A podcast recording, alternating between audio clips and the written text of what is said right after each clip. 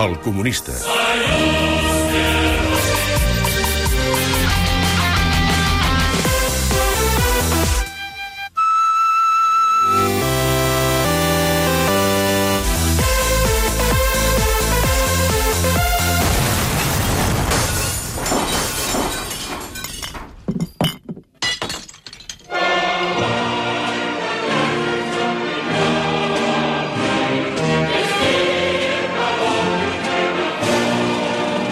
Camarada Joel Díaz, bon dia.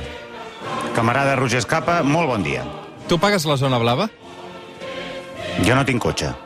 Quina sort. Tot això que t'estalvies, no? Sí, sí, sí, he, he estat eh, escoltant l'entrevista amb Manolo García. De fet, eh, m'han explicat la, la Sara, eh, que és la nostra productora, que t'estava escoltant i t'ha sentit cantar, no?, com anaves tarrejant les cançons. Ets molt de Manolo García, tu. pa- No, jo sóc més de Quimi Portet, el que passa que aquesta de Pájaros de Barro, doncs, eh, encara que no volguessis a la seva època, al final te l'acabaves aprenent. Es feia escoltar aquesta entrevista, eh, per això, Joel? Sí, sí, sí, sí, sí, sí. No, no m'estiris de la llengua, eh, Roger, no siguis dolent, perquè després qui patirà les conseqüències seràs tu, no jo. Ja. Però, o sigui, no t'ha agradat.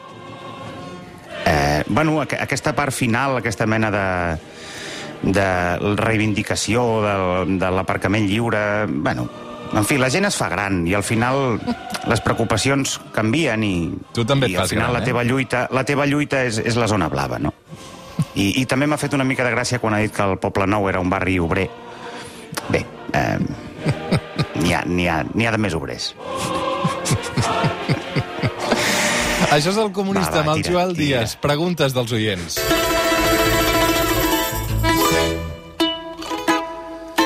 Mira, aquesta setmana ens ha escrit un tal senyor Felip González Gal. Salut, camarada Joel, sóc professor de solfeig i també de clarinet i també un convençut defensor del sistema de producció comunista en què els treballadors controlin els mitjans de producció impedint les classes socials l'acumulació de capital en mans privades i evitant l'exploració d'uns eh, sobre altres. Crec, doncs, en la igualtat. Sempre he tingut un dubte dins d'un sistema comunista i tindria lloc una persona, com és el meu cas, que pretengués guanyar-se la vida amb un grup de música anant de gira en furgoneta, dormint en sofàs Furgoneta. de gent que l'acolliria a casa seva i agafant-se un any sabàtic per any treballat. Seria possible aquest sistema de vida, Joel?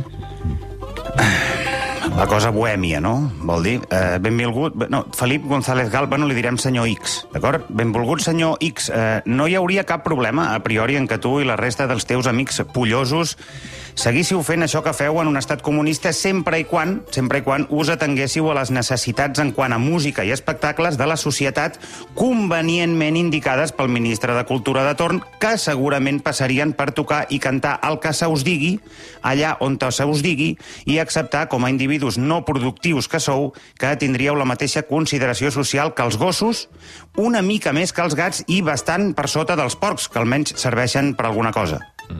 Si bé és cert que de la Unió Europea en van sortir grans exponents de l'art i la cultura, continua el Felip Europea, no, europea vols dir? No, Europea? no, no, no, no. Si, si bé és cert que... Què he dit? Perdona, eh? Em van sortir grans exponents de l'art Has dit i la de la Unió Europea no, i perdó, m'has deixat- Perdó, uh, és que he llegit malament. Uh, el Felip escriu, si bé és cert que de la No Unió res, eh? En van sortir sí. grans exponents de l'art i de la cultura, autèntics referents universals, i tindrien lloc els músics normalets tirant cap a fluixos, i cabria ell o no hi cabria? Algú que es diria, o, o algú li diria, mira, noi, treballa a la fàbrica i quan pleguis tot això fes el que vulguis. Aviam, en un estat comunista, tal com jo me l'imagino, un músic és algú que pel seu talent i dedicació s'ha guanyat la possibilitat d'estudiar al conservatori i té l'excel·lència i la perfecció com a metes, eh? no pas la idea absurda de distreure una mica la gent. Per tant, les possibilitats de sobreviure tocant la, la rumbeta, el rigui, la música urbana i la patxangueta lleugera, en general eh, quedarien, com t'he dit abans, relegades a les, a les monedes o menjar que et llencin a terra el teu públic ocasional a les sortides de les fàbriques o a les tavernes. El Felip encara fa una última aportació. Diu, els stay homes haguessin existit en un país netament comunista? Bé, eh, Felipe, si haguessis estat atent a les respostes anteriors, ja hauràs deduït que no, que els stay homes eh, s'haguessin eh, mort de gana. Doncs fins aquí la primera consulta. En tenim més.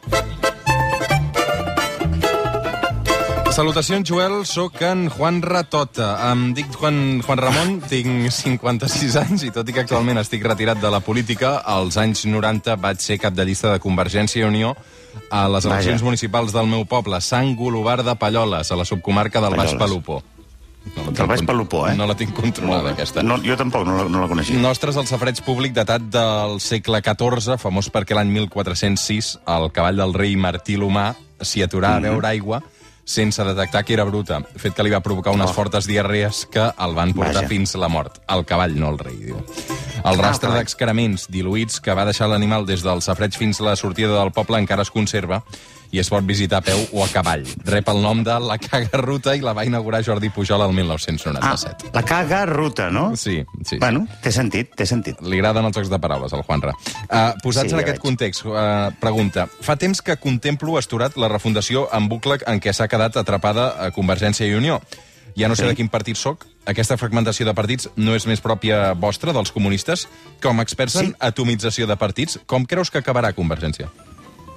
A veure, eh, Juan Ratota, si per Convergència entens la burgesia nacionalista catalana, és a dir, els mitjans i grans propietaris dels mitjans de producció del país, que des de fa uns anys s'han tornat independentistes perquè l'estat espanyol ha trencat, ha trencat el pacte de no agressió que tenien signat des dels inicis de la democràcia, si et refereixes a això quan parles de Convergència, tranquil, que trobaran la manera de sobreviure quan s'adonin que, per molt sobiranistes que siguin, al final són burgesos i els uneix la idea de seguir sent els amos del país.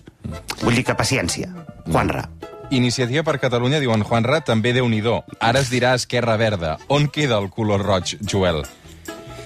Mira, eh, Juanra, el color roig, eh, que és un roig molt pujat, a més, eh, camarada Juanra, i és, passa que ha quedat amagat al vell mig del cul entre les natges dels treballadors i treballadores d'aquest país que algun dia van creure que aquest partit havia nascut per defensar els seus drets. Gràcies, Joel. T'espero un dia que vinguis a... Espero no haver set molt Sant dur. Glo... No, no, jo crec que s'ha entès. Uh, diu, vale. reclama que visitis a Sant Globar, uh, una nostra cagarruta molt interessant, diu. Més consultes. Ja, sí. Mira, ens escriu un tal Marc Lari. Ah, Marc Lari. Ens ha enviat una consulta, en aquest cas Començo per a correu... sospitar que és tot broma, eh? No, no, uh, correu ordinari, eh? Obro el sobre, un sobre, que a veure...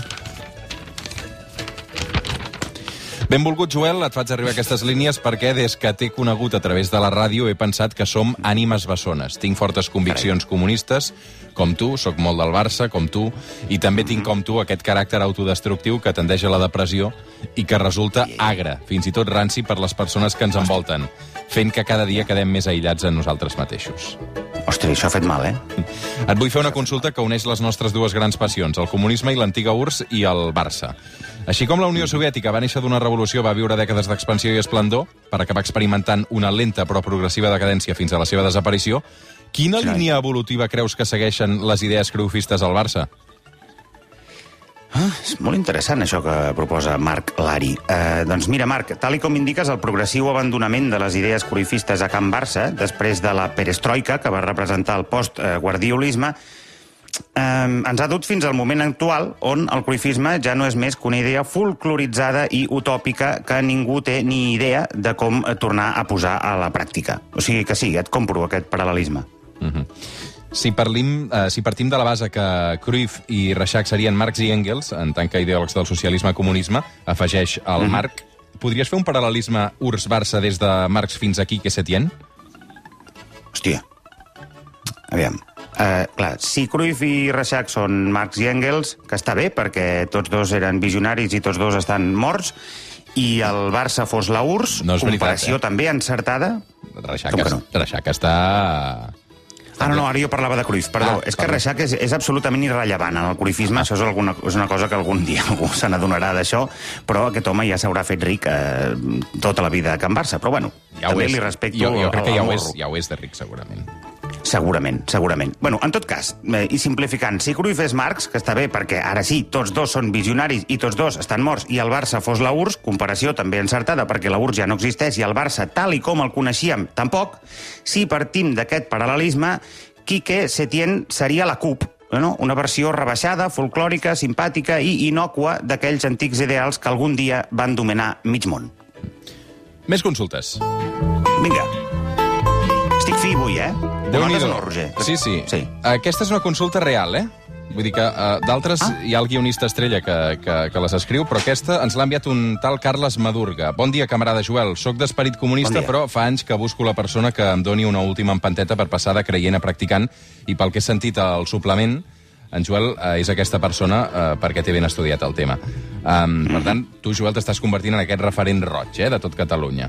Um, I vull que tinguis clar el que deia Spiderman, um, que deia uh, un gran poder requereix una gran responsabilitat, per tant, sigues conscient també de tot això. Eh? En soc, en soc conscient. Continuo amb el que consulta el Carles. Estaria encantadíssim de pagar molts, molts impostos i que tots els serveis fossin públics i de qualitat, però com incentiva el comunisme els cervells brillants, els que fan avançar una civilització? Perquè, clar, amb el mateix sou que el veí, que potser no sap fer l'O amb un canut, ho diu, posin ah. al servei anys dedicats a la investigació. Com gestiona l'excel·lència i la genialitat el comunisme? És molt interessant, i dic sense rastre d'ironia, aquesta pregunta, estimadíssim Tovarich eh, Carles, i a més ja sé per on vas, ja sé per on vas, perquè no ets la primera persona que va a Cuba i torna escandalitzada de veure com metges o arquitectes es guanyen pràcticament igual de malament la vida que un lampista, un mamporrero o un cambrer.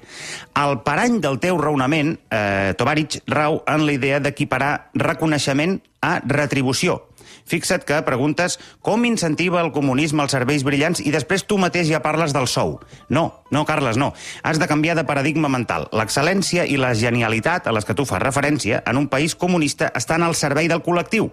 I el reconeixement no l'has de buscar en forma de diners, sinó en la possibilitat de ser útil a la comunitat. Llavors, el teu talent i dedicació, si realment són útils a la comunitat, es veuran de sobres recompensats i reconeguts amb la transcendència, la possibilitat de passar a la història a través de l'admiració dels teus camarades que transmetran les teves gestes de generació en generació.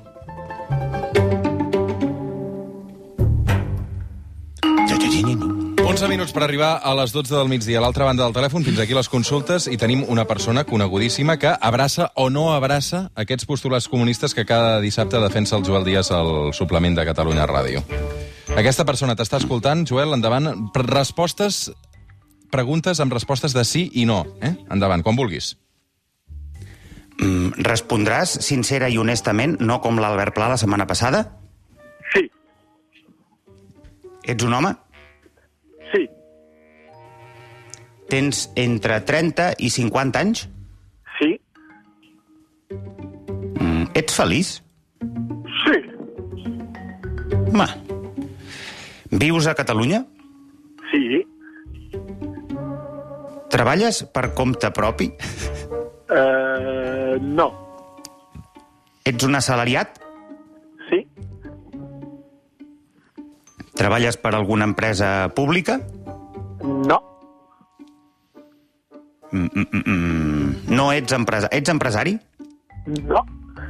Vale, això queda clar, llavors. Mm. Molt bé. Uh, tens entre 30 i 50 anys? Tens entre 30 i 40 anys? Uh, no. Un quarenton. Ets un quarenton? Un quarenton, sí. Tens fills? No. Vaja. Vaja, vaja. Pregunta-li si li agrada sortir uh, de nit. T'agrada sortir de nit? Sí. Doncs ja no tens edat, eh? Però això, això no és cap... Escolta'm, a sortir de nit no té edat. No té edat, Joel, eh? Sí que en té, Roger, ja ho aniràs veient, ja que sí que en té. Bé, en tot cas, continuem. Anem a veure de què, a què es dedica aquest bon home. Um, tu ets, et consideres ric, econòmicament parlant, eh? No. Home. Tens algun pis de propietat? Sí. Has estat comunista alguna vegada a la teva vida? T'has definit així? Mai. Et, et consideres una persona d'esquerres, no obstant? Oh, progre. Mm. Progre. Mm. Bueno, Roger, deixa que ell respongui el que consideri. Um, et dediques a la faràndula? No. No. Et lleves abans de les 9 del matí, de dilluns a divendres? Sí.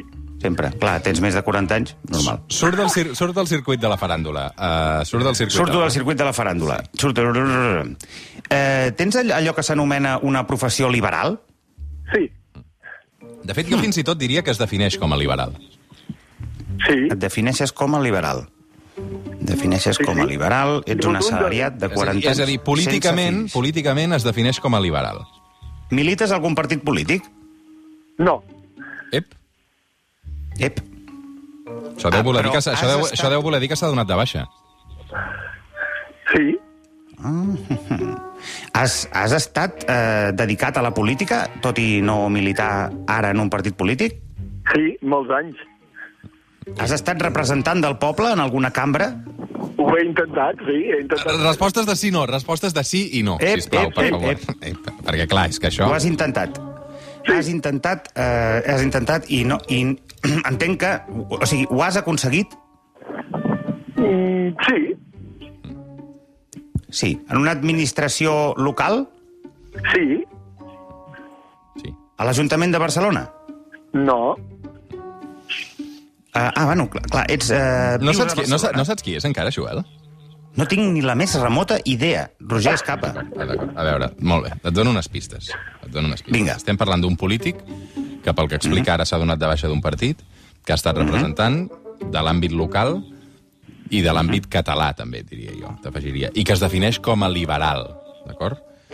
Pre pregunta si, tant, si, el- si, si la cosa de la independència va o no va.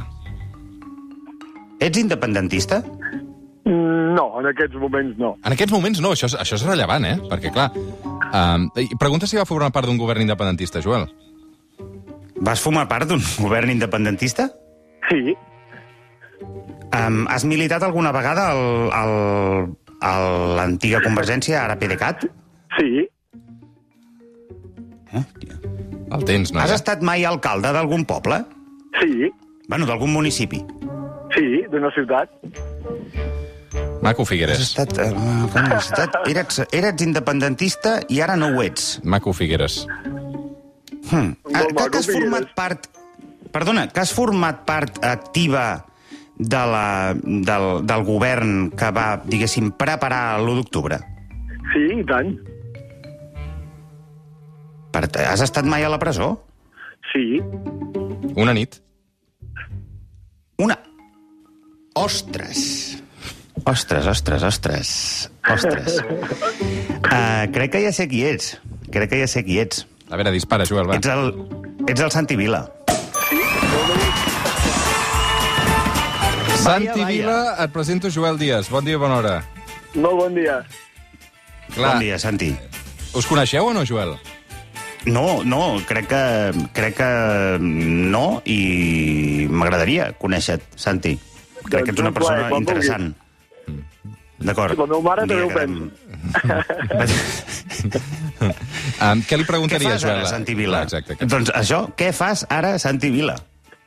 Doncs bàsicament dues coses, des del punt de vista professional, entenc. Doncs estic de professor a la universitat i estic eh, dirigint una petita companyia d'aigües. Ah, Els serveis d'aigües de Banyoles, no, crec? Sí, sí, sí, és una companyia privada que té la què? gestió de la potencialització, la distribució de tot el servei d'aigua a Banyoles, a Porqueres. Ah, de pensava que gestionàveu l'estany. Sí, exacte, És una porta giratòria, Um, això, o no, Santi Vila? de cap de les maneres. Perquè és una companyia molt petita, d'origen familiar, i que hi vaig accedir amb un procés de selecció objectiu, natural, i que no tenia cap vincle amb l'administració de la que jo formava part. Santi, Digue'm. com, com vius el fet de ser una de les persones més odiades per l'independentisme de carrer català? Bueno, odiades i estimades. Vull dir que hi ha de tot. eh, com Mm, sí, però cases. vol, vols dir que hi ha de tot en la mateixa proporció? Jo et diria controvertides, sens dubte, no? Perquè Això és evident que van prendre decisions molt difícils, que van costar molt d'entendre, de justificar. Per això he escrit dos llibres sobre aquest tema, però fixa't Mhm. que no, jo no crec recordar ni una sola mala paraula eh, del president Puigdemont o del president Mas cap a la meva persona i cap a les decisions que van prendre, perquè tots ho van fer amb Mm. lleialtat, amb honestedat, i en un moment donat eh, hem assumit una condemna eh, per haver organitzat l'1 d'octubre, i una condemna Sí. dura, tots. L'altra cosa és que a partir de la nit de l'1 d'octubre uns polítics creien que havíem de fer una cosa i uns altres polítics creien que havíem de fer una altra. I aquí va haver-hi una divisió legítima, clar. honesta, i a mesura que ens hem anat serenant tots, doncs ja l'hem anat ponderant d'una manera més tranquil·la. Sí, entenc, Santi, que dius no, hi havia uns polítics que volien fer una cosa i uns polítics que, que havien de fer una altra. En principi, el, el 6 i 7 de setembre al Parlament de Catalunya es van aprovar una sèrie de lleis i la idea era fer un referèndum i després eh, implementar-ne el resultat. Què, què estàs volent dir, aleshores, amb això? En principi només hi havia una cosa a fer, no?, que era el, el, el mandat de l'1 d'octubre, No, o, però- o, o m'he perdut? Sí, jo, bueno, no, no, no t'has perdut, però és una mica més complex i més matisat, perquè fixa't uh. -huh. Que una cosa és el que es va preveure i l'altra eh, cosa és com van anar sortint les coses. I és evident que l'1 d'octubre, en primer lloc, ningú contemplava que hi hauria l'acció policial tan violenta que alteraria tota aquella jornada. En De segon veritat lloc... m'ho dius, això? Home, que ens picarien no ho van preveure mai ningú, perquè si haguéssim previst Carai. que ens picarien, no haguéssim exposat a la gent. Jo tinc molt de remordiment amb això, perquè afortunadament eh, no, no es va fer més mal del que és conegut, però podia haver pres mal molta gent. I, finalment jo vaig estampar la meva signatura convocant un referèndum. No, però fixa't que aquella mateixa setmana també es va desactivar la sindicatura electoral, que era, per dir-ho així, l'instrument que ens hagués donat Sí. legitimitat mundial, no? I als ulls del món, doncs, eh, eh, aquest instrument era imprescindible perquè allò tingués validesa jurídica i no es quedés amb el que es Ja. va quedar, que és molt, que és que tingui un gran valor Tot- polític. Uh, Al uh, final queden dos minuts. Que, que, queden dos minuts. electoral. Queden, do, queden dos minuts, Joel, sisplau. Vull dir, preguntes una mica al gra perquè és que se'ns tirarà el temps al damunt. Sí, i tant. Uh, Santi Vila, uh, si no ets independentista, què hi feies en un govern uh, que era marcadament independentista i que tenia un full de ruta mm, específicament pensat per assolir la independència de Catalunya? Bé, en aquells moments estàvem exhaustos, esgotats de l'immobilisme del president Rajoy, veiem que no hi havia maneres de- d'avançar, de, millorar en l'autogovern, de tenir un sistema fiscal realment just, i vam tensionar la corda tant com vam poder. I intel·lectualment, èticament, no ens teníem per què negar la possibilitat de construir un estat propi. Altra cosa és que les coses no es van fer bé, eh? s'han de dir totes les lletres, no es van fer prou bé, van prendre mal i van fer prendre mal no? a la nostra economia, a la nostra Entenc. societat, a la nostra gent, En- i nosaltres mateixos vam prendre mal. Ja ho va dir la Ponsatí, que anaven que de, anaven de farol, no, Joel? Vull dir que al final... Això, de farol, la, anava a la, dir, sí. farol la trobo una mica injusta, per exagerada, no? Vam tensionar la corda, Sí. no? vam fer un pols molt fort, creiem que al final el president Rajoy es mouria i cediria, i no va cedir, no? I per tant, doncs, eh, va haver-hi un xoc i una col·lisió institucional impròpia del segle XXI. Mm. Escolta'm, Una queden, mica ingenus, no? Queden, queden, 30 Una mica. segons, queden 30 segons per arribar a les notícies. Uh, ho haurem de fer un dia uh, fent un cafè i fent una trobada una mica més llarga. Sisplau, Ah. perquè tinc, tinc moltes preguntes pel No, Santi. jo també tenia ganes de parlar una mica més del comunisme. Uh, en qualsevol cas, un altre dia ho farem, també, amb el Santi Vila i el Joel Díaz. Gràcies a tots dos per haver-nos acompanyat en un capítol més. Uh, Santi Vila, una abraçada. Un plaer, disposeu. I gràcies també a Joel Díaz, perquè aquí tenim teca per estona, vull dir que això ho haurem de repetir. Eh? El que passa és que avui, amb tot aquest confinament i tota la història de Lleida, Sí, eh, sí, se'ns sí, ha sí. escapçat una mica el programa. Joel, cuida't. Tu també. Adéu, Santi.